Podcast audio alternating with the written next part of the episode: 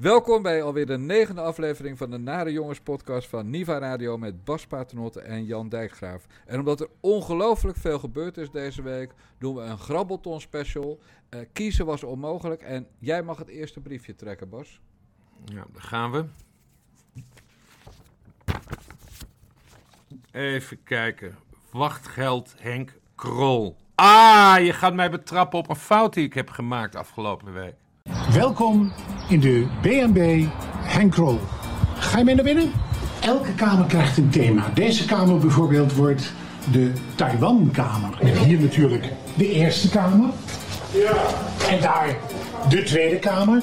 Maar we hebben ook een hele mooie bruidssuite. Nou, is dit geen plaatje? Midden in de natuur met elke dag de herten voor je raam.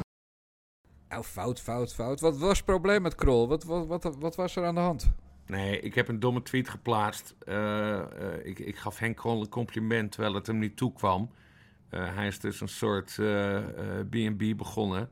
En toen heb ik getweet heel goed dat Henk Krol geen gebruik maakt van zijn wachtgeld. Maar ik was vergeten dat hij inmiddels zo oud is dat hij geen recht meer heeft op wachtgeld. Wel op pensioen overigens, maar niet op wachtgeld. Nee, want dat denkt iedereen, hè? Dat Kamerleden als ze uit de Kamer gaan allemaal hun zakken gaan vullen. Maar dat geldt alleen als je nog geen uh, 67 jaar bent. Exact. En hij is zo oud als Henk? Ja, Henk is wel, begint wel met een 7 hoor. Ja, die is al dik in de 70. Maar wel gaaf dat hij een B&B gaat beginnen, vind ik. Nou, ik vond het opvallend, want, want hij neemt ons mee in dit verhaal, hè, op dat Dekselse Twitter. En bij een B&B, dat denk ik een beetje aan uh, hè, wat jij hebt, zo'n schrijvershuisje. Gewoon een klein, klein huisje en waar je dan je ontbijt geserveerd krijgt. En een, en een slaapkamertje en een woonkamertje. Maar het, is, het ziet eruit, het is een enorm hotel. Het zijn ook veertien kamers of zo. Het is ook gewoon een hotel. Ja, ja, Ik, ik, ik weet. Eigenlijk zou iemand dat moeten onderzoeken. Ik denk dat ik ga boeken, Bas. Het, is, uh, het zijn veertien kamers. Het ziet er buitengewoon ongezellig uit aan de buitenkant. Nou, van binnen kan je dat mooi maken. Maar laten we zeggen, het is gewoon heel goed dat Henk aan het werk blijft. Met, uh, met zijn partner Aldo, die een stuk jonger is. Die is geloof ik 51. Het is ook heel slim, want ja, er zijn toch heel veel mensen die wel een keer Henk Krol willen zien. Uh, in het echt. Dus ik denk, ja. dat, denk dat hij... Uh, de eerste nacht zat hij al vol. Twitter die ook nog. Hè? Dus op 1 mei uh, gaat hij open. En dan zit hij meteen vol. Ja, dat is goed. En wat hij dan ook nog doet, is een, uh, is een tv-producent in de arm nemen... om er een, een real-life soap van te maken. Dus zeg maar Meilandjes 2.0. Hebben we nieuws, Dijkgraaf? Want dit heb ik nergens gehoord of gelezen. Nee, dat heeft hij gewoon gezegd. Dat, okay. dat, is, niet echt nieuws hoor. Hij is in gesprek met een producent voor een tv-serie. Ja, en dat lijkt me geweldig. Ik bedoel, het wordt niet zo lachen en, en hilarisch als met de Meilandjes, maar een real-life soap met Henk Krol in, en zijn B&B lijkt mij geweldig. Ik ga zeker kijken. Want weet laten we eerlijk weet zijn. Je, weet, je, weet je wat Henk Krol dan ook zou moeten doen? Nee. En misschien, ken, misschien ken jij iemand, want jij zit in die wereld. Ik voel hem aankomen. misschien dat Henk Krol dan ook een keer een... Uh, een, een, een, soort biografie moet laten maken. Zoals die meneer Meiland heeft gedaan. Ik vind het een goed idee. Maar het punt is wel dat als je een biografie schrijft, dat heb ik je al eerder verteld, moet je wel alles willen vertellen. Moet je eerlijk zijn, moet je ook je eigen falen toegeven.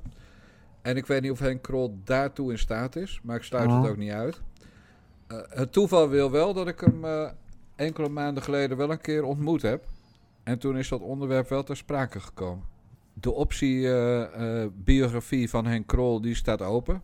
Hmm. En toen het ter sprake kwam, ging het natuurlijk vooral over terugblikken op zijn politieke carrière en alles wat hij verder heeft gedaan. Kijk, even, even vaststellen, Henk Krol is minstens zo onbetrouwbaar als alle andere politici bij elkaar.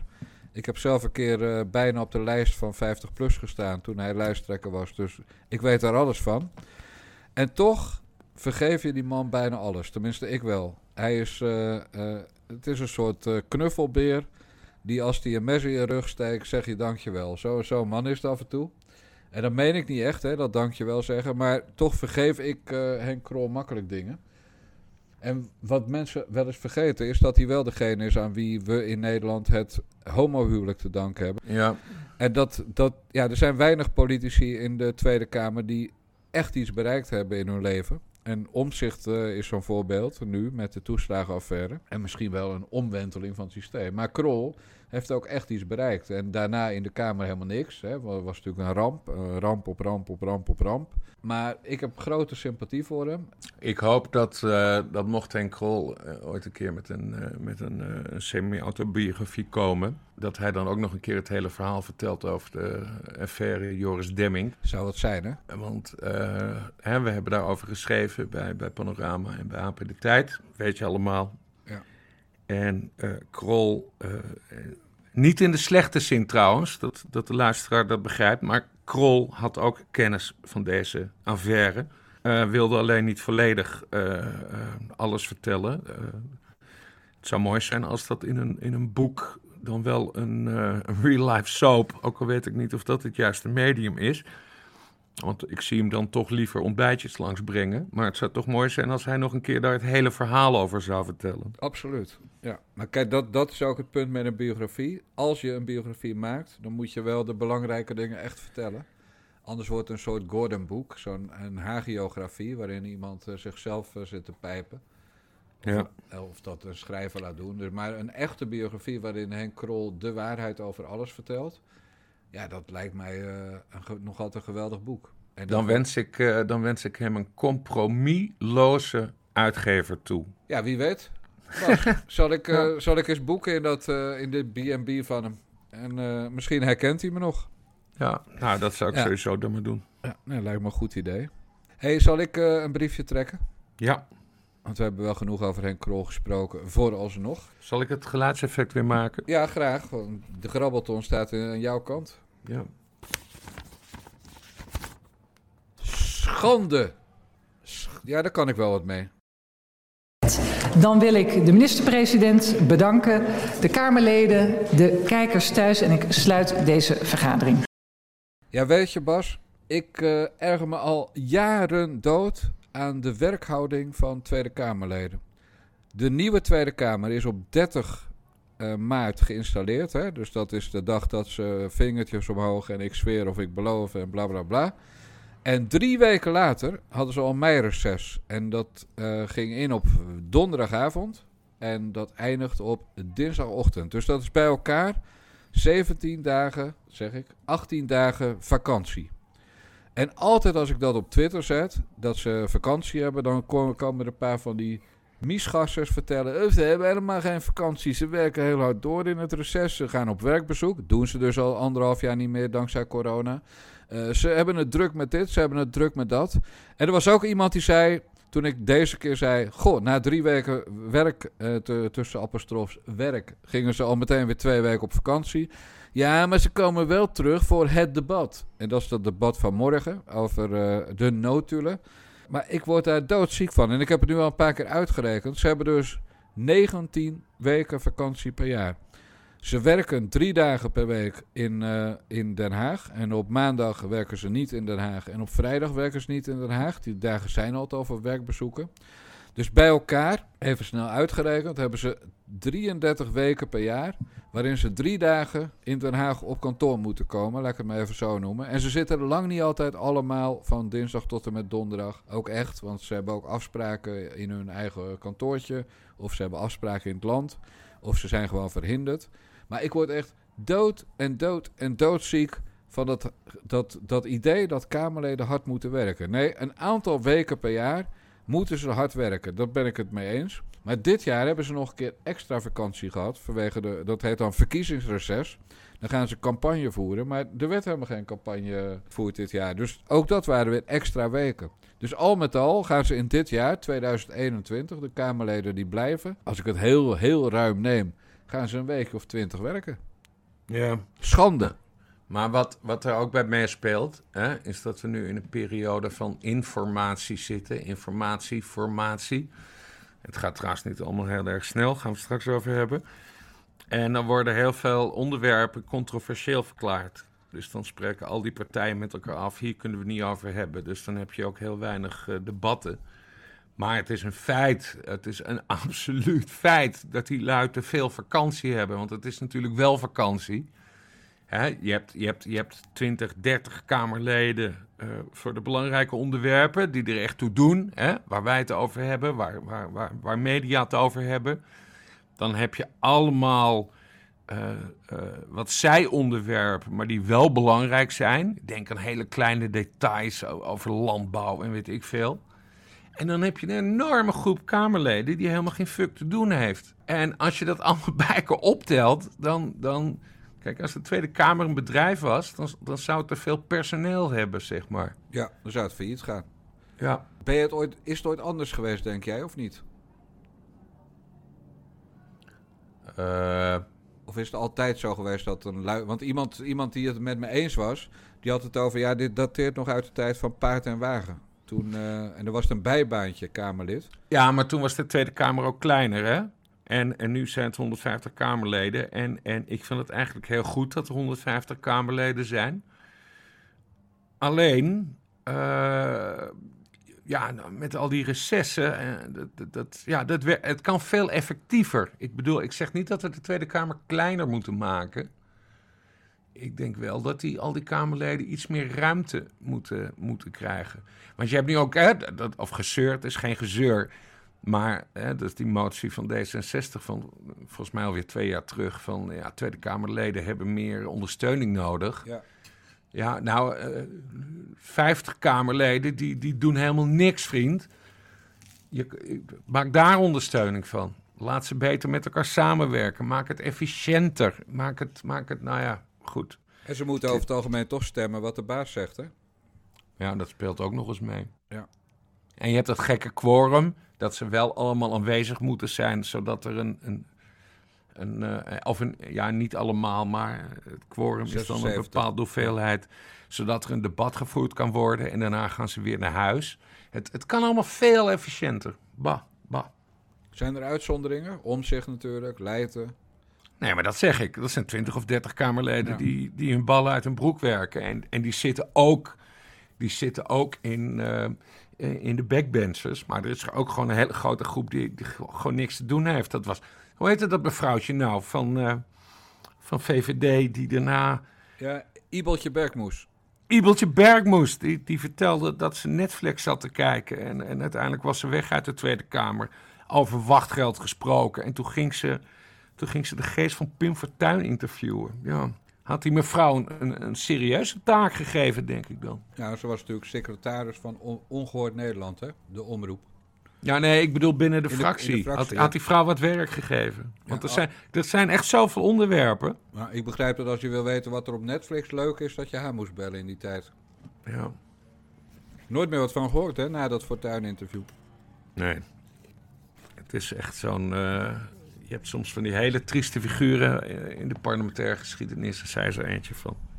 Hé hey Bas, grabbelen jongen. Ja, gaan we weer.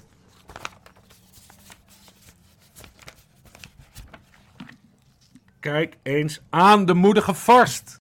Hartelijk welkom allemaal. En allereerst natuurlijk gefeliciteerd. Dank u wel, dank u ja, wel. en heel fijn dat jullie er zijn. Het is gek, want Koningsdag is natuurlijk een nationale viering. Doorgaans een dag waarop heel veel contact met mensen, veel lichamelijk contact, veel live contact. En dat is precies wat dat allemaal niet mag. Al zo ja, dat dacht ik al. Ja.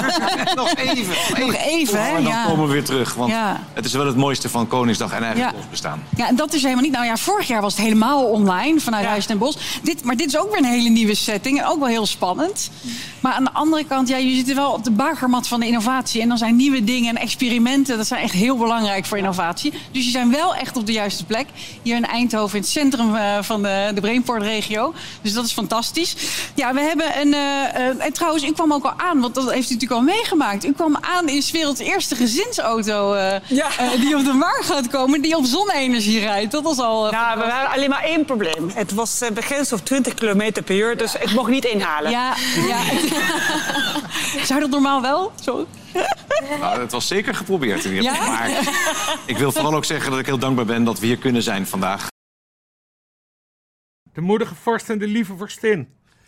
Het, uh, het geluid wat je op de achtergrond hoort is, uh, is Koningsdag. Want we zijn nu aan het eind van de avond uh, van Koningsdag. En het is hier op de gracht ontzettend druk. Dus ik heb vanmorgen gekeken naar Koningsdag in Eindhoven. En ik heb vaag herinneringen dat ik in Eindhoven ben geweest. Maar ik werd er niet blij van. En ik kan me ook voorstellen dat de koninklijke familie, de, de vorst, de vorstin, de lieve prinsesjes, ook enigszins triest uit hun ogen keken. Er was een soort talkshow met een quiz met een ontzettend drukke mevrouw. Ik weet wie dat is. Wie Isolde? Hallensleben. Wat is de achtergrond? Ooit eh, had ik met Jan Roos het programma Echte Janne op Radio 1. Hmm. En voor ons presenteerde zij samen met Pieter van der Wielen... die het nog eens in een parkeergarage heeft gedaan met Georgina Verbaan, geloof ik. Of zoiets. Oh. Eh, maar met Pieter van der Wielen presenteerde zij op Radio 1 een programma op zondagavond. eh, bij BNN-Vara of NTR. Ja, het zal NTR geweest zijn. En die is echt volledig in de vergetelheid geraakt. En eh, nu blijkt ze opeens eh, door de gemeente Eindhoven te zijn ingehuurd als eh, talkshow-host. In normale omstandigheden zou je zeggen, het zal wel een neukertje van de burgemeester zijn. Maar ik ken haar, ze heeft iets meer smaak dan dat. Maar ja, dat was natuurlijk een drama. Ik heb Ja, maar verder, het was, het, was, weinig het, was, gezien, het was zo grappig. Het was zo grappig. Want Koningsdag, dat moet, dat moet je altijd kijken met als tweede scherm Twitter. Want dan, dan zie je alle, alle reacties en, en ik mag graag twitteren. En iedereen twitterde tegelijkertijd. Wat is er aan de hand? Waarom is deze mevrouw zo druk? En er was ook een, een fragment, en dat had de NOS wel heel goed vastgelegd. die mevrouw die ging zo uit het dak en die was zo druk en aan het babbelen. En toen werd er ingezoomd op, eh, op koningin Maxima. En je zag haar zorgelijk kijken. Die, die probeerde met de ogen te seinen. Mevrouw, probeer rustig te blijven, want dit, dit gaat niet goed op deze manier. Nee, het was een craziness. Het was echt, maar iedereen zag het ook.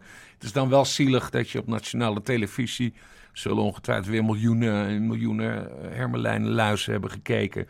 Dat je dan zo afgaat. Maar wat een rare mevrouw. Maar hoe was het verder? Want ik was mijn huis aan het schilderen, dus ik heb eigenlijk weinig gezien.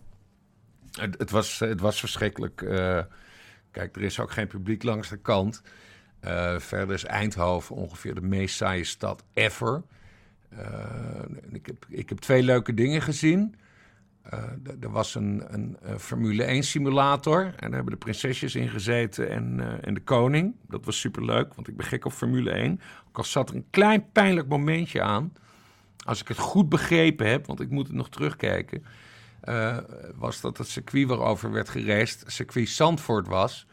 En dat is natuurlijk van eh, Prins Bernard junior. En die heeft daar weer zakelijke belangen. En ik zeg helemaal niet dat je de oranjes uit de wit moet houden, maar dat ze dan juist dat. Ik snap het wel dat je eh circuit Zandvoort eruit pikt, maar ja, ik weet niet. Ik weet niet of iedereen bij de Rijksvoorlichtingsdienst daar heel erg tevreden over was. En het eh, tweede, het duurde twee uur hè, en ik heb twee leuke dingen gezien. En er waren ongeveer 80 contactmomenten. Tweede leuke was dat eh, eh, de, de koning hield een toespraak in een hele oude microfoon.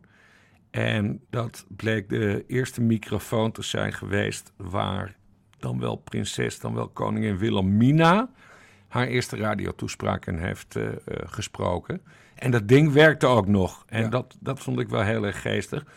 Maar verder was het van een enorme, enorme triestheid. En ik vraag me ook af, echt, Oranjes, moet je dit wel willen? Want je zag aan ze, vooral met die drukke mevrouw. My god, wat doen we hier? Wat doen we hier? Maar Was dat echt een talkshow met die Hallersleben of niet? Die stelde echt eh, vragen? Of ja, nee, het was, een quiz, het was een quiz Oh, ja. slash talkshow. En daarna was er nog een talkshow eh, gemaakt door jongeren. Dus dat waren hele jonge mensen die trouwens veel betere vragen stelden. Maar dat was alleen met de drie prinsesjes. prinsesjes dus dat was allemaal niet zo heel boeiend. En er was ook een soort persmoment. Heb je dat gezien ook? Heb je echt alles gezien trouwens? Ja, ja maar ik kijk toch... Ik, Jan, ik kijk toch altijd Koningsdag en Koninginnedag en Prinsjesdag. Ik kijk alles met de Oranjes. Dat is mijn werk. Hoe was het persmoment? Nou, het was, het was overduidelijk dat eh, eh, alle vragen zo gesteld werden dat eh, de journalist in kwestie volgende keer weer naar zo'n persmoment mochten. Dus het sloeg allemaal nergens op. Lekker slijmen.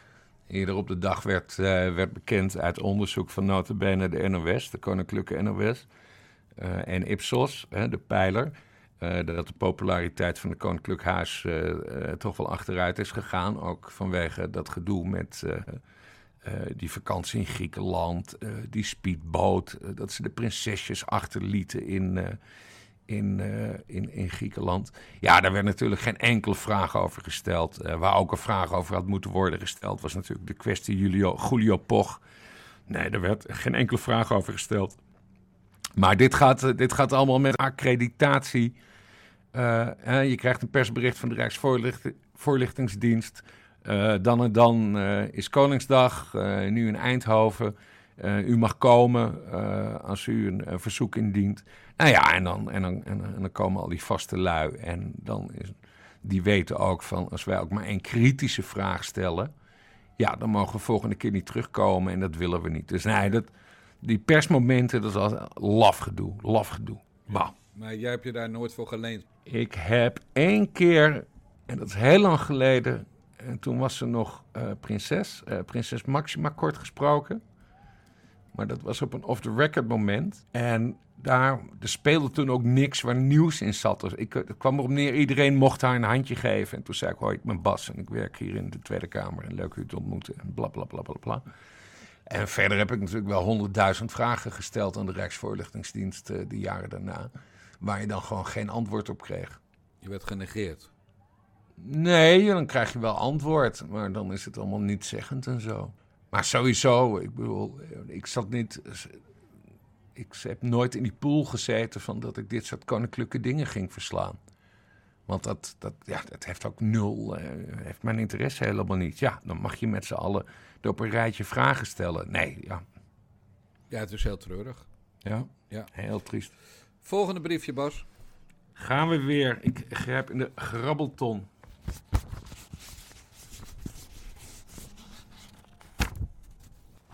Ik lees hier op dit briefje Onani en John Jorritsma, burgemeester van Eindhoven, waar Koningsdag vandaag plaatsvond. Ja, meneer Jorritsma, u kijkt heel trots.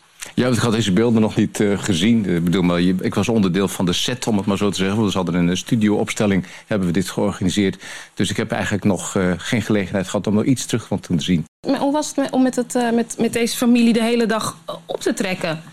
Eh buitengewoon plezierig, laat ik zo zeggen. Je hebt altijd een gezonde spanning voor, voor zoiets. Ik ben bij jaren commissaris van de koning en koningin geweest. Dus ik heb natuurlijk veel met het eh, koninklijk eh, gezin... eh, en de, de voormalige, de huidige prinses Beatrix opgetrokken. dus het is niet helemaal onbekend terrein voor me. Maar je merkt gewoon dat er een hele ontspannen sfeer is. Op het moment dat je begonnen bent... dan zit je samen eigenlijk in dat spel tussen aanhalingstekens... en is er een hele bijzondere interactie onder elkaar. Dan wordt er ook gelachen en we hebben met elkaar het leuke gesprek. En dan weet je weer, je gaat van stap naar stap naar venue naar venue. Ik moet het zeggen, ontzettend warm. Ja, onanie. Dat is natuurlijk een heel mooi woord. Maar het betekent eigenlijk gewoon rukken. En Ja. ik heb me... Ik erger me niet zo vaak. Maar ik heb me de afgelopen dagen en vandaag... dood geërgerd aan John Jorisma. En dat is inderdaad de burgemeester van Eindhoven. Kijk, ik volg die Jorisma al een tijd. Want hij is natuurlijk ook commissaris der koningin geweest in Friesland. Toen heeft hij me zelfs een keer uitgenodigd bij een of andere eh, bijeenkomst eh, om een hapje te eten. Dus ik heb hem en zijn vrouw eh, eh, de, de hand geschud. Je bent ook gegaan toen. Uiteraard. Ja, Wat die- was dat voor bijeenkomst? Ja, volgens mij was het iets bij, bij SC Heerenveen. Een voetbalwedstrijd en dan een hapje vooraf. Zoiets. Ik weet het niet meer precies. Het heeft geen diepe indruk gemaakt. Maar ik weet wel dat ik gegaan Hmm. ben. Ik weet Ja. ook dat het maar eenmalig was. Maar volgens mij nodigen die gewoon in Friesland wonende journalisten en opiniemakers af en toe uit. Eh, en er was verder de alleraardigste vent. Ik had me nooit in die man verdiept. Maar sindsdien natuurlijk wel. Want ja, dan moet je toch even kijken wat voor vlees hebben in de kuip. Nou, als ik zie wat hij in Eindhoven heeft geflikt met eh, Pegida. eh, hoe eh, Pegida werd echt opgejaagd door een stel Turken met, met bakstenen. Zeg maar een, een aanslag zou je dat, dat normaal noemen. En daar heeft hij nooit tegen opgetreden. Hij verbiedt elke bijeenkomst van Pegida. En het is een, eh, een man die, eh, die zich met alle plezier laat knuffelen door eh, moskeeën en tijdens iftars en zo. Nou, hij heeft natuurlijk met de intocht van Sinterklaas heeft hij ook blunders gemaakt. Hè, door op het drukste punt dat tuig van Black Lives Matter te zetten. En toen had hij ook mijn sympathie al niet meer. Maar dat ging allemaal nog om beslissingen. Hè? En je kan beslissingen nemen die ik stom vind. En eh, dat is je goed recht. Maar nu ging het puur om rukken. Eh, ik heb nog nooit iemand gezien die zo ijdel is als John Jorisma. En dat eh, blijkt altijd uit eh, het gebruik van het woord ik. Hij, hij zat zondag bij WNL, WNL op zondag. het lik- en slijm-programma van de voorheen rechtse omroep WNL. En toen ging jij turfen natuurlijk. Ja, en, en dan hou je dus op, want je krijgt gewoon een lamrechte klauwtje. van, van het aantal keren dat hij een zin met ik begint. En wat hij ook altijd doet, en dat is op zich hartstikke lief voor zijn vrouw. Hij laat nooit de kans gaan om zijn vrouw erbij te betrekken. Dus hij zat daar. eh, en later was hij weer op tv. Ik geloof eh, maandagavond ergens in een talkshow. En toen ging hij, eh, ging hij zitten vertellen. Het kan ook wel dat hij bij WNL was. Maakt me niet uit. Maar toen ging hij vertellen dat zijn vrouw altijd zijn schoenen poetst. Mijn lieve vrouw poetst altijd mijn schoenen. En dan moet je natuurlijk. Dat is natuurlijk hartstikke dom, hè? Om anno 2021 je vrouw je schoenen te laten poetsen en daar trots op te zijn. Want het is, het is een gebrek dat je dat als kerel uitbesteedt aan een vrouw. En het is ook heel gênant eh, dat hij dat doet. En hij heeft ook overal gezegd dat hij het zo erg vond dat zijn vrouw er niet bij kon zijn op Koningsdag. Maar natuurlijk niet, want corona, bla bla bla. Maar het enige waar het die gast om gaat, is altijd met zijn smoel in de camera. En, en eh, ja, de grote John Jordensma show. En ik heb er wel stukjes over getikt. Maar op Twitter zei vandaag, eh of Facebook was het, zei iemand het nog veel mooier dan ik het kan zeggen. John Jorritsma is in staat om Willem-Alexander weg te drukken als hij een camera ziet. En ik denk dat dat eigenlijk het hele verhaal in het kort vertelt. Er is niemand zo ijdel en zo camerageil als John Jorritsma. En ik ga je nog iets vertellen, Bas. Deze klootzak, deze ijdeltuit, deze enge, enge onanist... die komt gewoon in het volgende kabinet. In Rutte 4 krijgt John Jorritsma een beloning... voor tientallen jaren trouwe dienst aan de VVD. Minister van Nee, staatssec- Zaken. staatssecretaris. Maak hem- Staatssecretaris. Maak hem niet te groot. Een staatssecretariaat van de VVD gaat, als er een Rutte 4 komt, naar John Jorritsma. Wat ik jou brom. En dan Oké. krijgen we dus op Prinsjesdag krijgen we die vreselijk even ijdele mevrouw Jorritsma, die schoenenpoetser. Die krijgen we dan ook telkens in beeld. Ja. En ik Ja, kan niet, ik kan John tegen. Jorritsma is, John Jorritsma is ook die man die tijdens... Waren dat coronarellen? Ik weet het niet meer. Maar Ja, dat, ja. Ze het, eh, dat ze het station eh, van Eindhoven gingen bekogelen. Dat hij s'nachts volstrekt hysterisch voor de NOS-camera begon te roepen... Oh, dat is een burgeroorlog! Dat is een burgeroorlog! Dan ben je dus burgemeester waar echt hele nare dingen... van een stad waar hele nare dingen zijn gebeurd. Een goede burgemeester die probeert dan de zaak een beetje tot rust te brengen. En hij begon over een burgeroorlog. Dat, dat is toch ook niet helemaal goed? Nee, dan ben je gek. Dus die man, die, die, dan gebeurt er een keer echt iets in je stad. Want verder gebeurt er natuurlijk geen reet in Eindhoven. Nee. En dan raak je helemaal in paniek, want dat was het. Kijk, je kan van Halsema veel zeggen. Maar als er echt iets gebeurt in Amsterdam, maakt het haar de pis niet lauw. En hetzelfde geldt voor Marcouch in Arnhem. En voor Abu in, eh, in Rotterdam. Ja. Ja, dat, en Van Zanen in Utrecht. Nee, maar hij begon echt... Hij, volgens mij Ja. stond hij ook te huilen. Gelijk een klein meisje met een rokje aan. Ja. eh, een kopje thee in de hand. Ik vermoed dat mevrouw Joris maar terug was in hun huis in Friesland. En dat zij eh, zijn handje niet kon vasthouden. Want anders, En dat hij daarom helemaal in paniek was. Maar je hebt gelijk, dat, dat was het meest waanzinnige moment van John Jorritsma. En jij schat hem in als staatssecretaris, toch? Ja, laten we zeggen, kwaliteit speelt toch geen rol. Het gaat om bedankt voor bewezen diensten. Kijk, als kwaliteit een rol had gespeeld, was Barbara Visser geen staatssecretaris geworden. En dan was Janine Hennis geen minister van Defensie geworden. En zo kan je een hele lange lijst maken. En, en zou Dylan... eh, eh, En Jo- John, John Jorritsma, Jorritsma, die past in die lijst van meisjes. Eigenlijk wel. Een Ja. is het. Ja. Kijk, want, eh, kijk, het dieptepunt als het gaat om eh, openbare orde heb jij genoemd. Dat was inderdaad met die rellen, met die coronarellen. Dat was, de, eh, eh, was toen, eh, en dat is voor jij prima, toen dat meisje met dat waterkanon eh, tegen een betonnen muur werd geschoten in Eindhoven. Dat was een dieptepunt. Maar een ander dieptepunt vond ik dan, was dat hij bij een Pegida-demonstratie het gewoon liet gebeuren dat al die Turken met bakstenen naar, naar, naar die drieënhalve man en een paardenkop van Pegida, die amper, die allemaal, bijna allemaal zo oud zijn dat ze niet meer kunnen rennen, maar liepen te smijten. nee, maar daar zijn we het eens, want dat is een dubbele maat. Ik ben dus altijd voor uh, zo hard mogelijk uh, politieoptreden uh, wanneer het relevant is. Alleen toen die, die Pegida-jongens werden aangevallen door honderden woedende Turken, ja, dat, dat is toen niet goed gegaan. En toen was zij eveneens verantwoordelijk hè, als burgemeester, hoofd van de driehoek, de baas van de politie. Absoluut. Ja, en hij is de eerste burgemeester die heeft gezegd: Zwarte Piet komt er niet meer in in mijn stad. Nou, dat is uh, Amsterdam gedrag. Nee, die man gaat nog een, een mooie carrière tegemoet de laatste jaren. En dat baardje is natuurlijk ook gênant. Maar goed, dan, dat is stijltweets. Daar ga jij meer over. Maar... Ja, dat baardje, dat viel mij ook op. Want dat is sinds een paar maanden. En het, het staat hem ook gewoon Nee, dat was voor vandaag. De, de koning een baard, dan ik ook een ja, baard. nou, dat dacht ik dus ook. Ja, spiegelen. Dit, spiegelen, hè? neurolinguistisch programmeren. Van, kijk, kijk koning, ik heb ook een baard. Kijk, ja. kijk, we, zijn, we staan op dezelfde voet. Wij gaan elkaar aardig vinden. Maar het was wel een beetje zo'n moslimvlasbaardje bij, bij Joris. Maar... Nou ja, het kan ook niet anders dat uh, de moedige vorst daar dwars doorheen heeft gekeken. En uh, op de terugweg naar Den Haag uh, tegen zijn vrouw, de koningin, zei van wat een enorme lul. wat een mietje, denk ik hoor. ik denk niet een lul, een mietje. Wat een mietje is die John Joris maar. Ja, ja. ja, ja een briefje, want we gaan nu denk ik wel... ja, we hebben de inleidende beschieting hebben gehad. Doe een belangrijk briefje. Ik grabbel weer.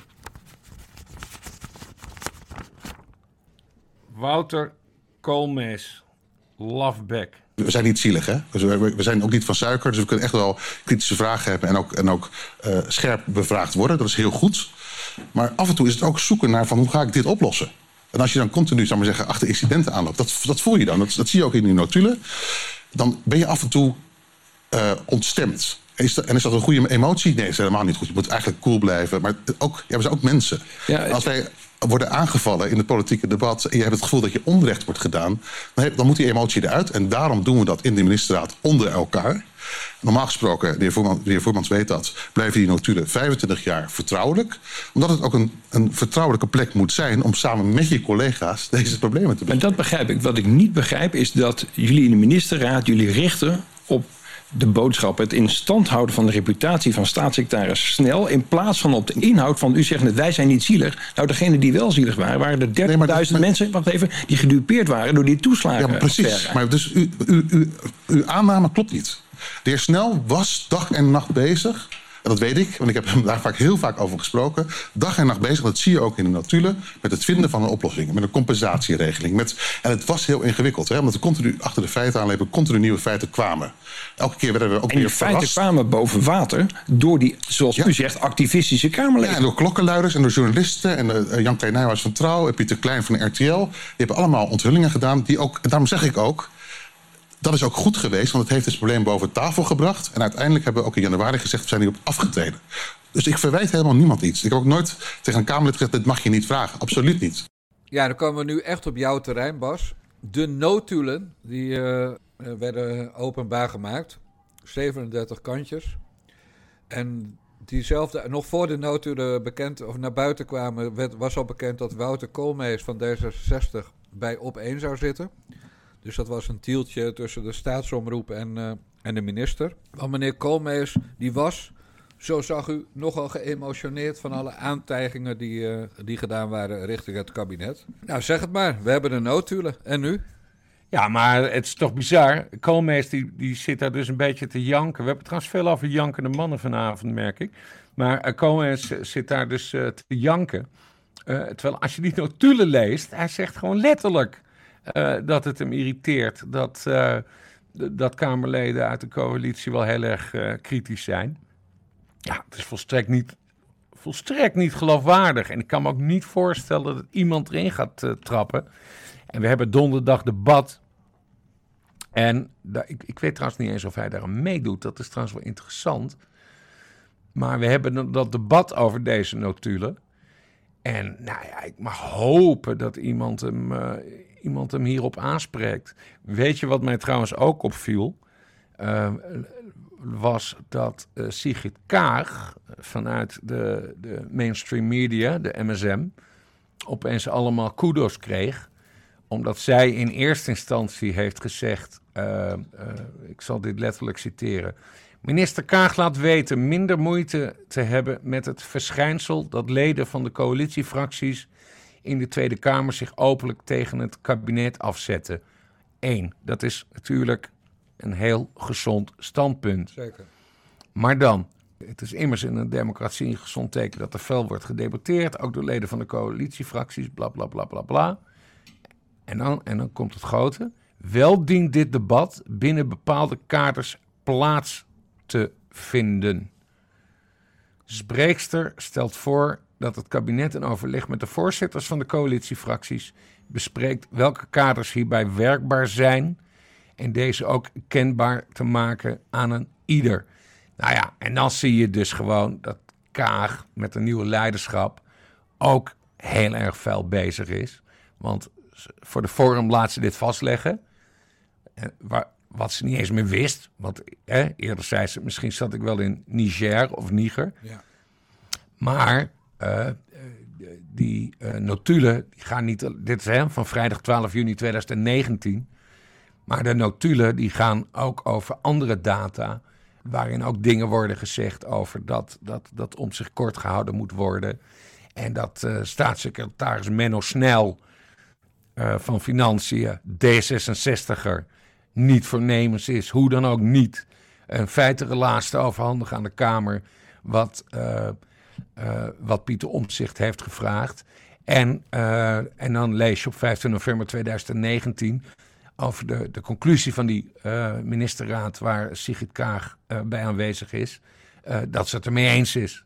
En op vrijdag 29 november gebeurt wederom hetzelfde. Snel, die, die, gaat, die gaat geen feitenrelaas overbrengen. Grapperhaus gaat hem, gaat hem daarbij helpen om de indruk te wekken dat er wel een uh, feitenrelaas is. En daar heeft Sigrid Kaag uiteindelijk ook de handtekening onder gezet. Conclusie? Nou ja, die hele conclusie dat Sigrid Kaag er zo zuiver in zit, dat is gewoon allemaal gelul. Ja, dus ze zijn, ze zijn weer terug in de pre-verkiezingen houding. En dat is... Kaag is nieuw leiderschap en de rest niet. Ja. ja donderdag, uh, donderdag debat. Ik, uh, ik heb echt geen idee wat er, wat er gaat gebeuren. Ik wel. Want we, want we hebben nu ook het bewijs hè, dat, dat, dat Hoekstra dus daadwerkelijk Pieter Omzicht heeft proberen te sensib sensibiliseren. En dat er op die manier over gesproken is. Nou ja, dat is iets wat Pieter Omzicht en, uh, en Wopke Hoekstra nog wel even met elkaar moeten oplossen. Nou, en daarna heb je dus uh, Sigrid Kaag met de vage opmerkingen. En overal blijkt gewoon, en dat, is wel in het voordeel van Mark Rutte. En daarom was hij vermoedelijk ook zo'n voorstander van deze totaal openbaring. Iedereen betrokken bij dit dossier, namelijk de gehele ministerraad en de hele coalitie, heeft, heeft boter op het hoofd. En als iedereen schuld heeft, ja, dan is niemand schuldig. En dat is een mooie basis om verder te gaan werken aan een nieuw kabinet. Ja, behalve dat het strijdig is met de grondwet. Ja. Artikel 86 zegt dat de Kamer alle, alle uh, verzoeken van de Kamer moeten worden gehonoreerd om informatie. Kijk, ja. je zegt om zich vroeg het, maar het was uiteindelijk een, volgens mij een unanieme Kamer die, uh, die achter dat verzoek stond. Ja. En die wordt dan genegeerd. En kijk, als ik die notulen lees, dan denk ik eigenlijk verrast hem, verbaast hem allemaal voor geen meter. Zo gaat dat. Nee, maar het is wel confronterend. Mij verbaast het ook niet, maar het is wel confronterend als je het zelfs zwart op wit ziet. Ja. Dat het echt zwart op wit, duidelijk. De hele club, die, die was gewoon was gewoon bereid om de Kamer niet volledig te informeren. Ja. Geert Wilders zag dat scherp gisteren met een snelle tweet, want hij is een scherpe tweeter. Uh, uh, die wil dat de Kamer, en dat is een beetje een ingewikkeld proces, die wil dat de Tweede Kamer aangifte gaat doen tegen het kabinet. Ja. En dat, dat kan in principe, maar dan moet je weer al die Kamerleden erachter hebben. Dus dat, dat, ik denk niet dat dat gaat lukken. Uh, de volgende stap is dan dat iemand individueel aangifte tegen het kabinet doet. Maar omdat er zoveel, al die vier partijen die zijn erbij betrokken en niemand heeft, heeft er nu meer baat bij om uh, Rutte te laten vallen. Dus daar komt helemaal niks van terecht. Nee, dus dat debat wordt glasplas was. Dat kan toch niet anders? Ja, maar met, eh, ik, in ieder geval met mooi vuurwerk van Geert Wilders, gok ik. Ja. Wat volgens mij wel zou kunnen helpen is als omzicht eh, morgen beter is. Ja, eh, Pieter Omtzigt, ehm, hij is... ik heb wel eens contact met hem. Maar ja, hij is, hij is niet bereikbaar. Hij is not around. Ik, eh, het zou mooi zijn als hij donderdag naar de Kamer komt. Maar geen idee of hij dat gaat, eh, gaat Weet jij of hij officieel ziek gemeld is? Nee, maar ik ken hem goed eh, in die zin dat deze man serieus overwerkt is. Nee, dat weet ik wel. Maar er geldt voor Kamerleden ook maar een maximale termijn dat je ziek mag zijn voor je vervangen wordt. Hè? Als ik het Hoe lang is die termijn? Nou, als ik het dat goed weet- heb, drie keer 16 weken. Dus als je drie keer 16 weken ziek bent, voor de derde keer 16 weken dus, Ja. dan, dan zou je je zetel verliezen. Ja, daar is, daar is hij slim genoeg voor. Om dat niet te laten gebeuren. Ja, hij heeft zich natuurlijk laten installeren. Dus, dus nu, eh, eh, of hij zich officieel ziek heeft gemeld of niet, is wel een verschil. Maar dat is ook Arbo-wetgeving, hè? Ik weet nog een keer, eh, ik denk dat ik mij drie keer ziek heb gemeld in, in 30 jaar werk. En, en dat ik een keer voor Metro in de Kamer was. Oh nee, ik werkte voor Metro in de Tweede Kamer. En ik had een griepje. En toen ben ik één dag niet geweest. En toen heb ik eh, niet zozeer jou, maar een chef van ons een mail gestuurd. Ik ben ziek, ik kan vandaag niet werken. En toen werd ik twee dagen later, terwijl ik bij een persconferentie zat, tien keer gebeld door een arbo-arts Ja. om te vragen of ik alweer beter was. En eh, dat, is, dat was echt een van de meest bizarre administratieve dingen die ik ooit heb meegemaakt. Ja. Ja, Want ik had, me dus niet, ik had me dus niet afgemeld als zieke verslaggever. Wel aangemeld, niet afgemeld. En dan word je dus gebeld. Maar ik weet helemaal niet of dat zo bureaucratisch ook met Kamerleden werkt. Nee, maar op zich wel relevant. Maar de kans dat hij, dat hij bij, daar, bij het debat opeens opkomt draven, die acht jaar dus niet hiel. Ja, ik denk, ik denk dat hij eh, het allemaal heel rustig gaat afwachten. Wat moet hij nou vinden van, van, van wat in die notulen staat? Want op zich wist hij het wel. Hè? Hij is natuurlijk door en de jongen en Hoekstra eh, tot de orde geroepen. Gesensibiliseerd, poging tot. Maar laten we niet meedoen aan die woorden die, die verhullen wat er echt gebeurt. Dus hij heeft eh, een paar keer op zijn flikker gehad. Met Pieter, nu moet je gaan kappen. We zijn het zat, het gezeik. Eh, hij doet dat niet, hè, want met, met beperkt succes is dat gebeurd. Wat moet hij er nou van vinden? Is het, voor hem stond er geen nieuws in, denk ik. Ik, het enige wat hij hoeft te doen is eh, te kijken naar het procesverbaal van de recente Tweede Kamerverkiezingen. En dan ziet hij dat hij ruim 300.000 voorkeurstemmen heeft. En eh, dat hij leverage heeft om eh, dit allemaal heel rustig af te wachten en een nader plan te trekken. En wat zou het plan moeten zijn? Ja, hij zou, hij zou Wopke Hoekstra kunnen uitdagen en het leiderschap opeisen. Van vriend, je hebt mij zo hard genaaid en dit vind ik onacceptabel. En dan kom je uit op een scheuring binnen het CDA. En, maar we gaan nu echt heel erg hard speculeren. Eh, maar als er een scheuring komt in het CDA, dan eh, gaan we richting het niveau van... eh, misschien moeten we dan maar eens nieuwe verkiezingen gaan houden. En kijken wat het CDA dan doet. En misschien begint, begint hij dan wel een eigen partij. En, en, en, en, en, weet ik veel. Pim Fortuyn. De, nou ja, Pim Fortuyn weet ik niet. Maar de kern is vooral... En, en dat is het meest bizarre. En, en, en deze conclusie die maken we vaker. Hoe goed Mark Rutte er weer uitkomt. Ja. Want, want hij hoeft het probleem nu niet op te lossen. Die, die zit gewoon rustig te wachten. Nou, eh, ik, laat het, eh, ik laat het de informateur wel, eh, wel oplossen. En ik zie wel wat het CDA doet. En ik ben beschikbaar. En ik leid de groot- grootste crisis in dit land sinds de Tweede Wereldoorlog. Want het coronavirus. En eh, ik, eh, ik sta klaar, ik ben paraat, ik wil het land leiden. En, en ja, het is nu aan jullie, jongens. Mijn nieuwe, vriend, mijn nieuwe vriendin Sylvana Simons had nog een hele goede tweet daarover. Hè? Die had een notulen gelezen en die stuurde geen ellenlang verhaal de, de wereld in. Maar die schreef alleen maar... En dan te bedenken dat deze mensen ons ook door de coronacrisis aan het leiden zijn. Ja. Want daar heeft ze natuurlijk volkomen gelijk in. Dit, dit is niet bij de toeslagenaffaire gebeurd. Dit gebeurt gewoon altijd. Ja. hey, maar jij kent mijn kritiek op Pieter Omzicht. Uitstekend Kamerlid, maar als het op puntje bij paaltje komt, tekent hij altijd weer bij het kruisje. Ja, wat ik vaak heb weerlegd, want juist door zijn inspanningen is bijvoorbeeld die Menno Snel afgetreden. Ja, nou, juist door zijn inspanningen is het kabinet gevallen. Maar Nee, nee, opgestapt. Er is Maar nooit een debat over de toeslagenaffaire geweest. Maar waar ik, waar ik naartoe wil is, kan, kan hij het nu weer doen dan? Is er weer een belang waardoor hij het allemaal kan pikken wat er nu gebeurd is? Dat jij het weer gaat goed praten als ik zeg, eh omzicht, eh, slappe zak, dit moet je niet pikken. En ik denk dat zijn vrouw ook zoiets vindt. Nou ja, hij heeft dat hele boek geschreven. Hè? En eh, het, het, land, het land moet anders. verhouding Kamer, eh, kabinet moet anders. Verhouding regering, eh, burger moet anders. Dat leeft natuurlijk bij hem. Ja, maar en, dat als- gaat- en als hij er krachten voor heeft, dan, dan gaat hij die boodschap ook uitdragen. Maar of hij dat zonder CDA doet, of zonder Wopke Hoekstra in het CDA, dat weet ik niet. Want in dat opzicht is het een, een enigma. En die man die zit gewoon serieus uitgeput thuis. Ja, nee, dat geloof ik allemaal. Maar het punt is, die Tjenk die is gewoon op de oude. Tjenk is gewoon een oude, oude politiek.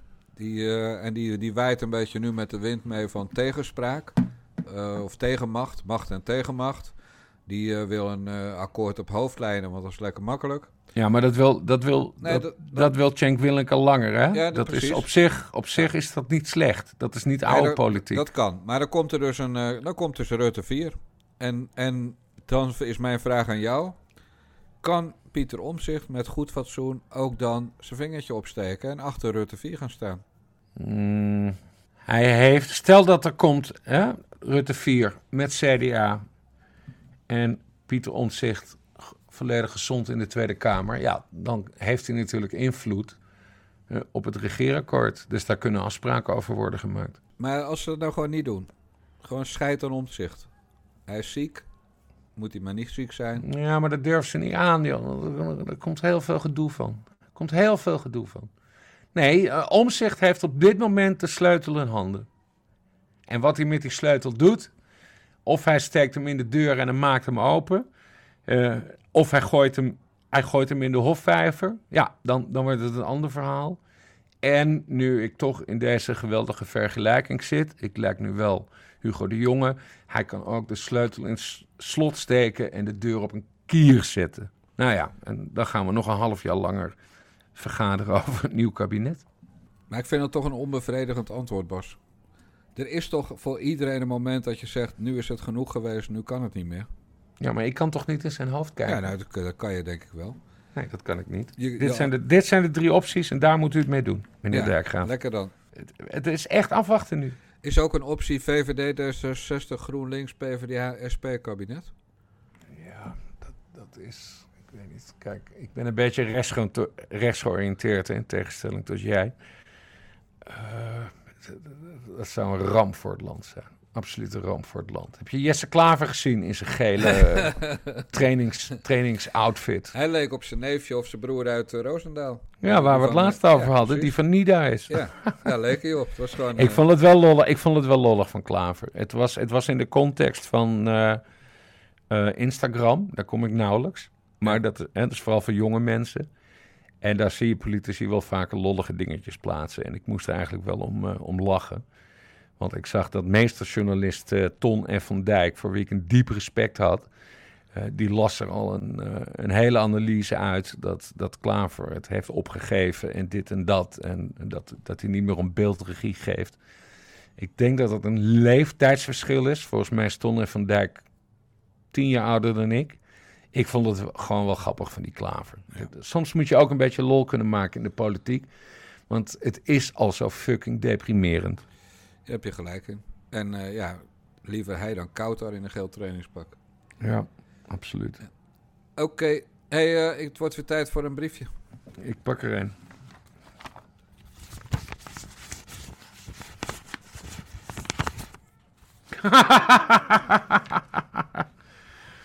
oh my god. Wat staat erop? Ja, nee, nee. Van Meijeren, van Forum voor Democratie.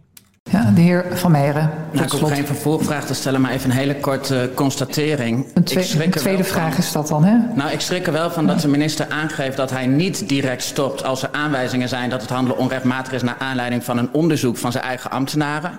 Dan wil de minister eerst een, on- een, een second opinion van de landsadvocaat aanvragen. Maar een artikel in NRC is direct de reden om wel met deze praktijken te stoppen. hey, die knakker kende ik nog niet. Wie is dat? Hij heet eh, Gideon van Meijeren. En hij was mij volledig ontgaan. Want sinds Forum voor Democratie een beetje een gemarginaliseerde partij is. En ik een druk bezet man met weinig tijd en veel onderwerpen. eh, had ik dat helemaal gemist. Maar hij is dus Tweede Kamerlid.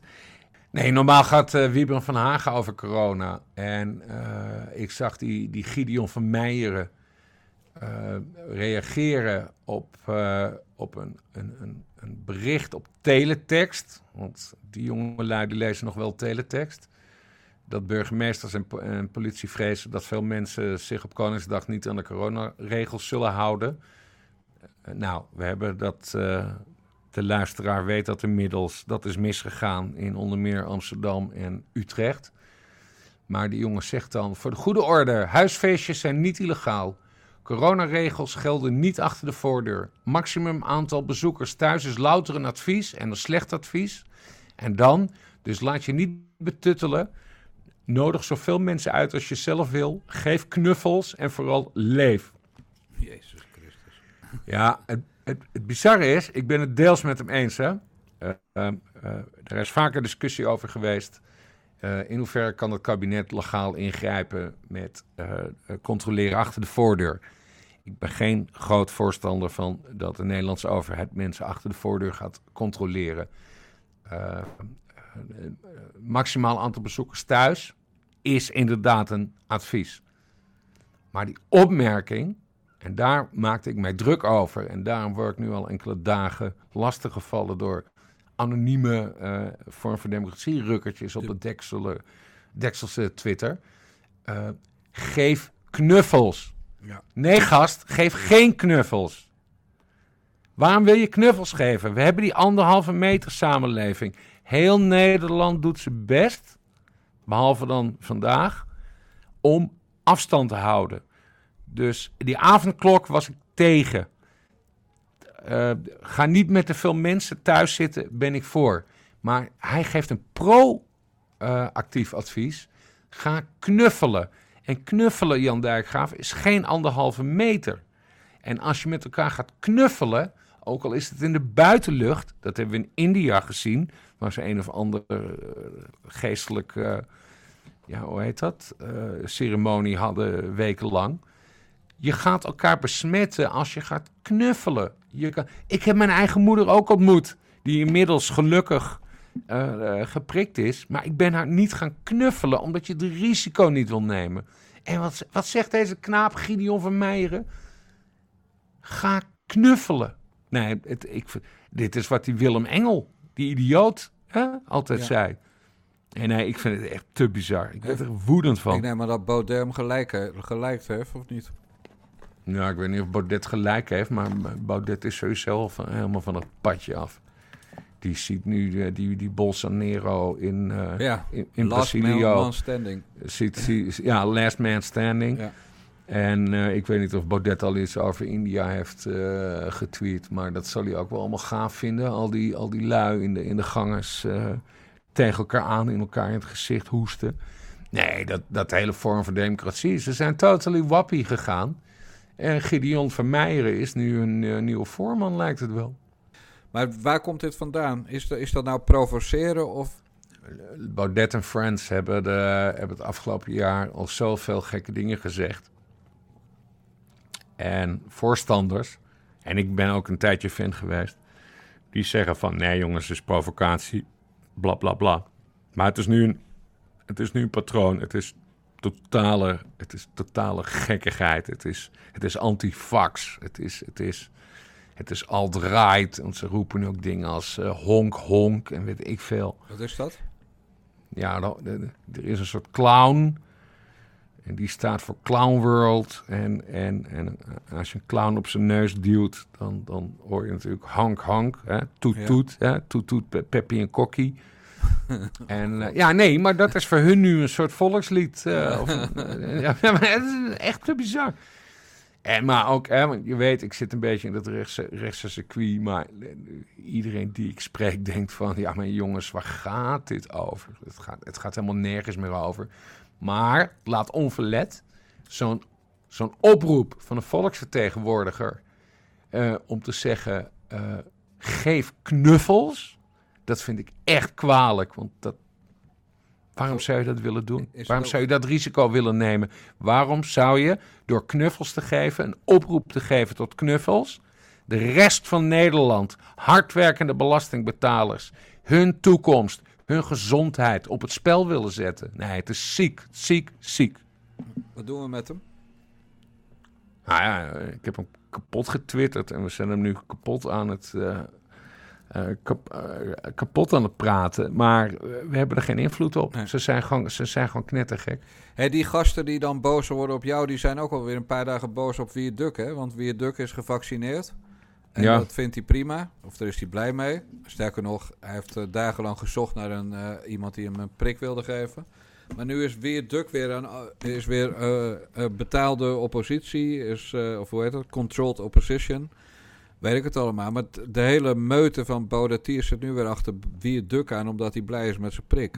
Ja, en terwijl ze vroeger fan waren van Wierduk. Ja, maar nee. dit, dit, is het hele, dit is het hele probleem van al die FVD-kids. Want volgens mij zijn het vooral jongeren of eh, oudere werklozen van in de 60. Eh, ze kunnen niet tegen kritiek. Ze, ze willen alleen maar toegejaagd worden. Ze, ze, hè, dat is de, de manier dat je alleen maar verhalen rondpompt eh, waar je achter staat. Nee, het, het zijn, GroenLinksers zijn zo... Ja, GroenLinksers en FVD'ers, die, kunnen het meest niet tegen kritiek. Die willen dat het allemaal in hun plaatje is. En als dan een gerenommeerd journalist notabene als Weert iets schrijft... of in een podcast zegt... ja, dan moet hij onderuit ge- gehaald worden. Ja, en dat gaat met grof geschut. En dat lijkt ook een soort ge- gecoördineerde actie, hè? zoals ook eh, inderdaad extreem links gekkies dat doen. Dan, dan duikt iedereen er bovenop. Heel ja, de, de- dat is sowieso gecoördineerd. Dat, dat heb ik gezien met eh, kritiek op, eh op Kautar uh. En dat heb ik gezien met, met meer, meermaals, net zoals nu met die van Meijeren, dus met kritiek op FVD. Eh, daar zit een coördinatie achter, een trollenleger, waar gek genoeg weer Duk altijd van wordt beschuldigd. Want je krijgt dan, hè, want ik, over dat knuffelen, ik had ook iets over India gezegd. Dan krijg je opeens van eh 30, 40, 50 man een of ander vaag grafiekje eh, over, over, over eh, hoe het vaccineren in India gaat. Wat dan volstrekt onduidelijk is waar het vandaan komt. Maar je krijgt het 20, 30, 40 keer achter elkaar. Dus dat, dat gaat via een WhatsApp-groep of weet ik veel. Die lui die hebben het erover en die zeggen nu allemaal paternotten bombarderen. Ja. En Wierduk zal, eh, zal dit ongetwijfeld ook meemaken. Ik maak dat gelukkig zelden mee. Ja, het laatst met die gasten van Plastuit of Buskruid, hoe heet dat? Van die, die, eh, Nee, nee, nee, broodbad. Broodbad. Nee, ah, fuck. Ja, we vergeten ook steeds hoe ze heten, omdat ze zo marginaal zijn. Maar, Ja. maar deze FVD-lui, die zijn minder marginaal hoor, vergis je niet. Ja. We gaan naar de laatste greep in de grabbelton, want eh, het uur zitten we bijna op en anders word je weer moe en moet je weer plassen en zo. Ik grijp.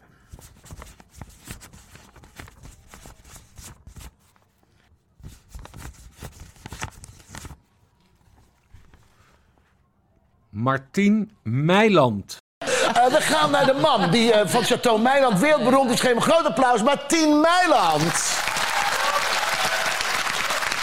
Martien, eh, begraven, cremeren of in een fles? Nee, cremeren. Cremeren? Ja, weet je, ja. Dat is ook schoon. Dat is ook schoon, ja. Weet je, ja. Zo'n kist. Zo'n kist onder de grond. En Nee, daar moet je familie volgens mij nog voor betalen, jarenlang. Ja, wat zou je zelf willen? Zeg je nou, stop in een glasbak en dan klaar is Kees, of wat wil je? Nee, ik ga gewoon in zo'n oven. In zo'n oven? Ja. Heb je al... En dan gaan ze allemaal zingen... Lang. Lang zal ze leven. Ja, lang zal ze leven, dat liedje. Ken je het toch? Ja, Martien eh, die komt heel af en toe bij ons ter sprake, Bas. Dat, dat vind ik nooit erg. Want je weet eh, dat wa- waar Martien geld verdient aan zijn boek, doe ik het ook. Dus toppie, toppie, toppie. Ja, Maar- ja ik, ik heb eh, de kasteel hier. We Exact. hebben het vaker over Ja, gehad. Maar Paul de Leeuw, die was dus eh, maandag... eh, eh, maandag stond hij op Mediacourant. Hij had bij Jeroen van der Boom gezeten in het programma Hoge Bomen. Ik heb het helaas gemist, want ik heb alleen gekeken toen eh Martien Meiland er zat. Maar daar sch- schijnt Paul de Leeuw te hebben gezegd dat Martien Meiland te veel op tv was. Ja, en dat... eh, eh, daar moeten we natuurlijk even bespreken. Want we zitten natuurlijk weer veel te serieus te doen. Het wordt tijd voor een rondje showbiz. En dat, laten we dat dan vooral snel doen. Maar ik heb het idee dat heel veel mensen van Paul de Leeuw al jaren vinden dat hij eh, te veel op tv is. Dus dat zou een makkelijke jijbak zijn.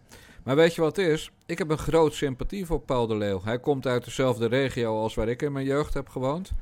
Eh, we worden wel eens, er wordt wel eens gezegd dat ik op hem lijk als ik ook zo'n dikke periode heb en, en een rond brilletje opzet. Dus niet qua humor, maar, nou- maar uiterlijk. Hè? Gewoon. Daar zal ik jou een anecdote over vertellen, Ja, eerst Dijkgraaf. Toen ik als tiener op het Drachter Lyceum zat, toen eh, had Paul de Leeuw, we hebben het nu over begin jaren negentig, toen had Paul de Leeuw nog haar en was toen heel bekend met de schil van de leeuw. En wij leken als twee druppels water op elkaar. Jullie En- ook al? Ja, absoluut. En eh, ik heb het nu over begin jaren negentig, hè. En dan hadden we pauze van school. En dan gingen we in het dorp eh, gingen we koffie drinken en appeltaart eten. Want zo deden wij jongeren dat in Drachten. Living on the edge. En ik heb toen wel eens een eh, handtekening uitgedeeld aan, aan kleine kinderen... die dachten dat ik Paul de Leeuw was. en die zeiden, bent u meneer de Leeuw? En, en ik voelde gelijk aan dat het een anekdote zou worden, hoe jong ik ook was. Dus toen zei ik, ja, ik ben Paul de Leeuw. En als je daar aan de eh, koffiemevrouw even een papier en pen vraagt... dan krijg je van mij een handtekening. En zo heb ik in Drachten nog handtekening uitgedeeld als Paul de Leeuw. Hij was trouwens toen extreem grappig, hè? Dat Schil van de Leeuw heet het volgens Ja. mij. En eh, dat was zijn beste periode, denk ik. Want ik, ben, ik vind wel dat hij wel erg veel op tv is. Maar goed, dat is misschien een ander verhaal. Ja, maar goed, ik vind het dus een aardige gozer. En eh, ik DM ook wel eens met hem. Omdat Paul de Leeuw? Ja. Dat meen je niet? Ja, tuurlijk wel. Nou, dat wist ik niet. Dat heb je mij nooit verteld. Wat, Nee, wat ik- is, je, wat is los van te Rotterdamse jullie overeenkomst dan? Nou, dat wij denk ik allebei eh, eh, niet zo in die, die vaste paden lopen van ik ben links, dus ik heb een hekel aan rechtse mensen. Of ik ben rechts, of wordt rechts genoemd, dus ik heb een hekel aan linkse mensen. Dus Mhm. ik, ik vind Paul de Leeuw een vakman. En eh, bijvoorbeeld een programma als Ranking the Stars kan ik erg van genieten, hoe gescript het ook allemaal is. Mhm. En het is, eh, ik vind het gewoon echt een aardige gozer. En, en dat mag niet omdat hij eh, van de VARA is en links is. Nou, dat is voor mij altijd de reden te meer om aardig te vinden. En precies hetzelfde heb ik met de deze week gelauwerde Claudia de Brij. Die een lintje heeft ontvangen. Kijk, ik vind, als ik zo'n lintje zou krijgen, zou die echt met de hoogste boog de sloot invliegen. Ik zou het echt altijd weigeren. Maar goed, als Claudia de Brij blij is met een lintje, laat het blij zijn. Maar al dat gekanker van rechtse mensen op Claudia de Brij... en ze is niet grappig en weet ik het allemaal... ja, dat doe ik gewoon principieel niet aan mee. Dus op het moment dat mensen dat doen... ja, dan neem ik het altijd voor ze op. Maar ondertussen lopen ze te deugen, te deugen, te deugen. dat wel, Het was- tuurlijk. Maar Bas, was- ik- het was ik afgelopen, af, nee, nu ben ik even Dijkgraaf. Afgelopen, eh, het eerste coronajaar. Dus zeg maar hè, maart tot eh, december afgelopen jaar. Ze was, ze, ze was overal. Ze was alomtegenwoordig. Alleen maar deugen. En, en, en, we moeten dingen doen voor de, voor de, voor de zorg. En de coronamensen. En, en, en, oh, en Afrika. En, en, oh, en altijd met die... Met, want ze heeft het huilen in de bek. Hè. Ze ziet er altijd uit alsof ze moet huilen. En ehm, eh, toen kreeg ze dus deze week die, eh, die, die, die ridderorde of, of officier. Ik weet niet eens wat ze is geworden. Ik mag hopen dat ze, dat ze tot ridder hebben gelaten. Zo heet dat toch niet meer? En, en Ja, toen de, kwam... de laagste kreeg ze, dat is waar. Ja, oké. En, eh, en toen bleek dat ze dus het een keer... Hè, want er is die, die podcast over Maurice de Hond. En daar komt ze in voor dat ze eh, een liedje voor Maurice de Hond heeft gezongen. Omdat hij zo zwaar had. Maar ja, nu is iedereen tegen Maurice de Hond. Hè, omdat hij schijnbaar toch een eh, wat dubieuze rol in, in, in die hele kwestie heeft gehad. En, en daarna heeft ze een liedje gezongen voor de klusjesman. Het slachtoffer van Maurice de Hond. En, en ja, Jesus fucking Christ, zo kan ik ook de hele dag liedjes gaan zingen. Ja, je, je, je bent gewoon, zoals de wind waait, waait je jasje. Dat zijn mensen, oh, daar heb ik een hekel aan. Maar leuk dat jij goed bevriend met haar bent, Jan. Leuk. Niet overdrijven. Ik mag haar zeer. Oké, dan gaan we. Dan eh, heb ik een andere vraag aan jou. Wat vind je van Samantha? Ehm, eh, Barbie. Ik vind... eh, Wat haar overkomt, thans. Wat, nou, thans, wat haar permanent overkomt. Barbie is die, eh, die Haagse mevrouw uit Duindorp. Geestelijk niet helemaal 100% is mijn inschatting. Eh, er wordt voortdurend misbruik van de gemaakt door eh, tv-producenten en weet ik veel. Zelf is het spoorbijster. Eh, haar, haar vriendje is onlangs overleden. Ehm, eh, ze heeft een vreselijk auto-ongeluk gehad, wat ze ook weer wist, wist, wist uit te melken. Nee, die, die mevrouw die moet tegen zichzelf beschermd worden. En de media blijven ermee op de loop gaan. En als we het over medialogica hebben en zelfkritisch, eh, hoop ik voor Samantha dat ze een keer een beetje uit al die media-aandacht blijft. En eh, nee, die wens ik echt het allerbeste toe. Dat is een heel naar verhaal hoor. Dat zo wil je niet. Dit is echt een uitwas van, van die, van die entertainmentwereld. Ja, ga door. Nee, ik ben klaar. Dat Ik vind was het heel- ik vind het gewoon heel zielig worden. Ja. Ja. nee, ik ook. Hey, over, eh, over mensen en uitmelken gesproken. Gordon lag ook in het ziekenhuis. Ik, ik, ga geen, ik ga geen ruzie maken met Gordon. Ik, eh, En bij Shownieuws zeiden ze dat ze twijfelden. Shownieuws zie jij natuurlijk ook elke avond. Maar dan zeiden ze dat ze twijfelden aan de reden van zijn, eh, zijn, de opname in het ziekenhuis. Ze zeiden niet hij verzint het ziekenhuisbezoek. Maar er werd wel weer gesuggereerd dat het eh, eh, niet ging om eh, corona of een gebroken been. Maar dat weer iets met eh, middelengebruik te maken had. Ja, maar die Gordon, dat, dat is hetzelfde als met die Barbie. Ik bedoel, stop, eh, wat is de term alweer? Stop, stop. nee. Making stupid pe- people famous. Exact. En die Gordon, dat is volgens mij ook een getormenteerd mens. Ook al heeft hij het beter gedaan dan Samantha. Want ik neem aan dat hij wel miljonair is geworden met al die, eh, al die optredens met de toppers en weet ik veel. Maar ja, die man die kampt met, met alcoholproblemen, cocaïneproblemen. Hij heeft, hij heeft suikerziekte, hij is overvallen. Rende naakt de straat op in Amsterdam. Ik weet niet wat ik wel moet geloven. Ik weet niet wat ik niet moet geloven. We, we moeten dit soort mensen met rust laten, want dat is beter voor hen. Ik ben alleen bang dat dat, dat ontzettend goede advies van mij niet gaat werken, omdat ze zelf verslaafd zijn aan die aandacht. Ik heb je nog niet horen zeggen dat Gordon ook zielig is. Dus heb, heb ik nou begrepen dat je wel medelijden hebt met Samantha de Jong en niet met Gordon Heukenrood? En zo ja, is dat omdat je homofoob bent? Oh! oh, wat een false frame. Wat een false frame.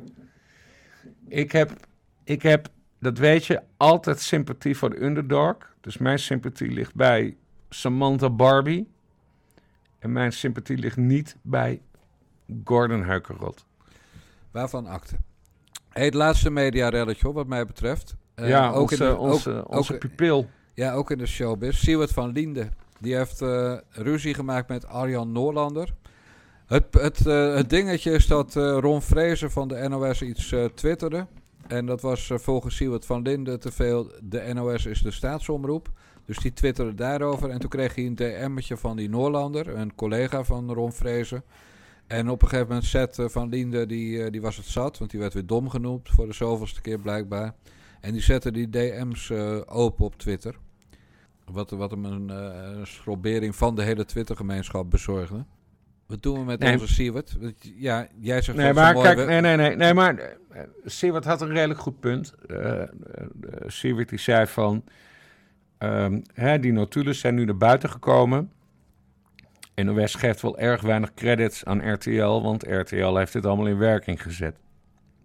En daar heeft onze jonge vriend Siewert, die wij in 2008 of zo in de kinderwagen de redactie van HP De Tijd op, opreden en uh, columnist maakte, daar heeft hij een heel goed punt. NOS is, hè, de Koninklijke worden ze ook genoemd in, uh, in Den Haag, die hadden wel iets meer credit aan RTL mogen geven. Maar, Siewert jongen, als je dit hoort, want ik had zelf geen zin meer om met hem te DM'en, je moet nooit uit je DM's klappen, want het maakt je volstrekt onbetrouwbaar. Uit DM's klappen, uit appjes klappen. Ik even zien, was dat een briefje van Jan dat er uit appjes werd geklapt? Los van dat. Je moet gewoon nooit uit privécorrespondentie klappen. Gewoon niet.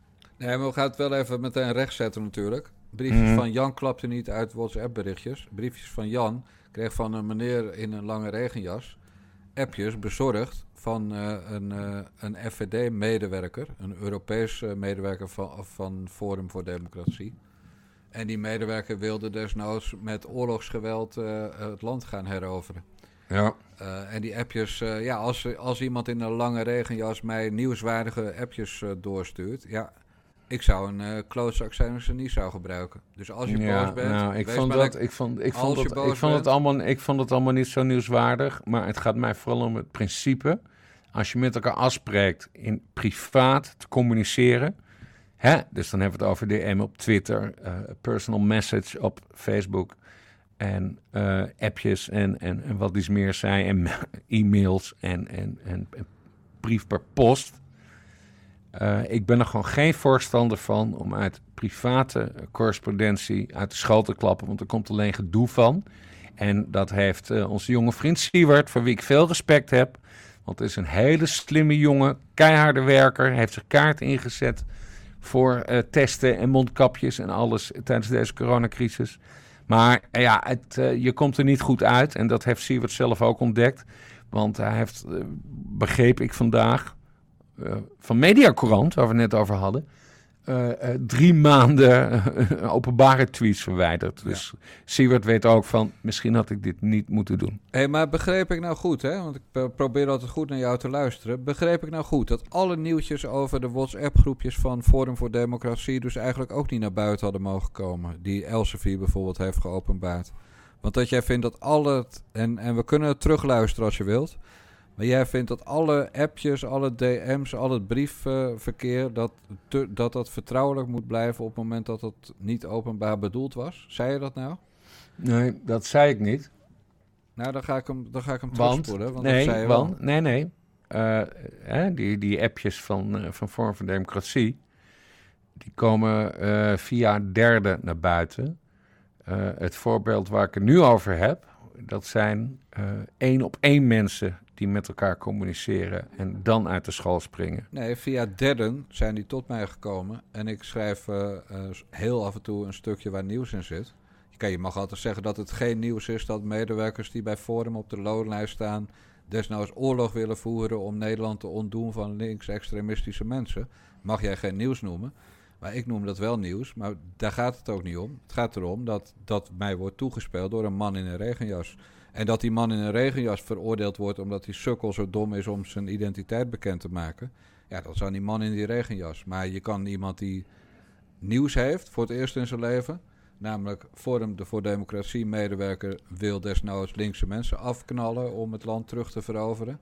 Nou, dat is wel degelijk nieuws. Dat is nog meer nieuws dan dat er nazi's rondlopen bij JFVD, wat mij betreft. Ik moet zuiverder formuleren. Ik ben erop tegen dat wanneer twee mensen één op één met elkaar in privaat met elkaar communiceren, dat één van hen bewust dan die berichten gaat lekken. Ja, daar ben ik ook op tegen. Het gaat, het gaat om de positie. Hè? Kijk, als een, als een, als een politicus eh, hele rare appjes naar mij stuurt. En ik, dan reageer ik erop van vriend, dit zijn hele rare appjes. Eh, ik ben voornemens deze te publiceren. En ik geef je nu eh, hoor en wederhoor. Maar ik ga dit publiceren. Dat is logisch. Maar lui die vanuit vriendschap of vanuit een zekere vertrouwelijkheid met elkaar appen en, dan, en dat een van die partijen dan alsnog gaat publiceren. Nee, dat, dat, dat vind ik minder waardig. Daar hou ik niet van. Ja, de notulen van de ministerraad waren ook in vriendschap, eh, eh, of de vergadering van de ministerraad, waar, waarvan de notulen nu openbaar zijn gemaakt, is gebeurd ook in een soort vriendschap. Hè? De ploeg die het land aan het redden is, de ploeg die de toeslagenaffaire moet, eh, moet managen. Ja. Dus dan, dan kan je dit argument toch voor alles opvoeren. Op het moment dat iemand die zichzelf journalist noemt of journalistiek werk verricht, iets krijgt en het is waar, dan moet je het publiceren. Ik zou niet weten waarom niet, Bas. En, en dat iedereen boos is op de boodschappen, ja, mij en Biet. Nou, ik vind, het, ik vind het gewoon niet netjes. Dat zou betekenen dat de, de vele privéberichten die wij wekelijks, bijna dagelijks met elkaar uitri- eh, uitwisselen, dat ik daar dan ook eh, over uit de school Nee, zeker eh, niet. Zeker zou niet. kunnen klappen. En, maar zo zit ik niet in elkaar. Maar als nee, jij, ze, als jij ze aan iemand anders geeft, of ik, en die worden dan gepubliceerd, dan kan je dat de boodschappen niet verwijten. Dan kan je dat degene ver- verwijten die ze heeft gegeven. Ja, Dus- nee, maar dus ik, val ik jij verwijt het de gever dus dan, hè? Voor de Ja, goede orde. Nou ja, goed. Maar ik blijft- verwijt het de gever. Maar nieuws is nieuws hoor. Ja, maar ik verwijt het de gever. Ja, nee, dat snap ik. En dat zou ik ook doen. De, Ja. de steward in dit geval. hey, gozer, het is wel weer mooi geweest. We gaan bier drinken. En geld ophalen. Vertel. Zeker. Dit was namelijk alweer de negende aflevering van de Nare Jongens podcast. En wij kunnen niet leven van de lucht. Onze website is nivaradio.nl. Doneren kan via narejongens.backme.org. Heb je hem? narejongens.backme.org. Of via bunk.me slash nivaradio. bunk.me slash nivaradio. Heb je tips? Wil je ons overladen met complimenten? Of heb je gewoon wat te zeiken? Mail dan redactieassistente Naomi op redactie.nivaradio.nl. Mazzel!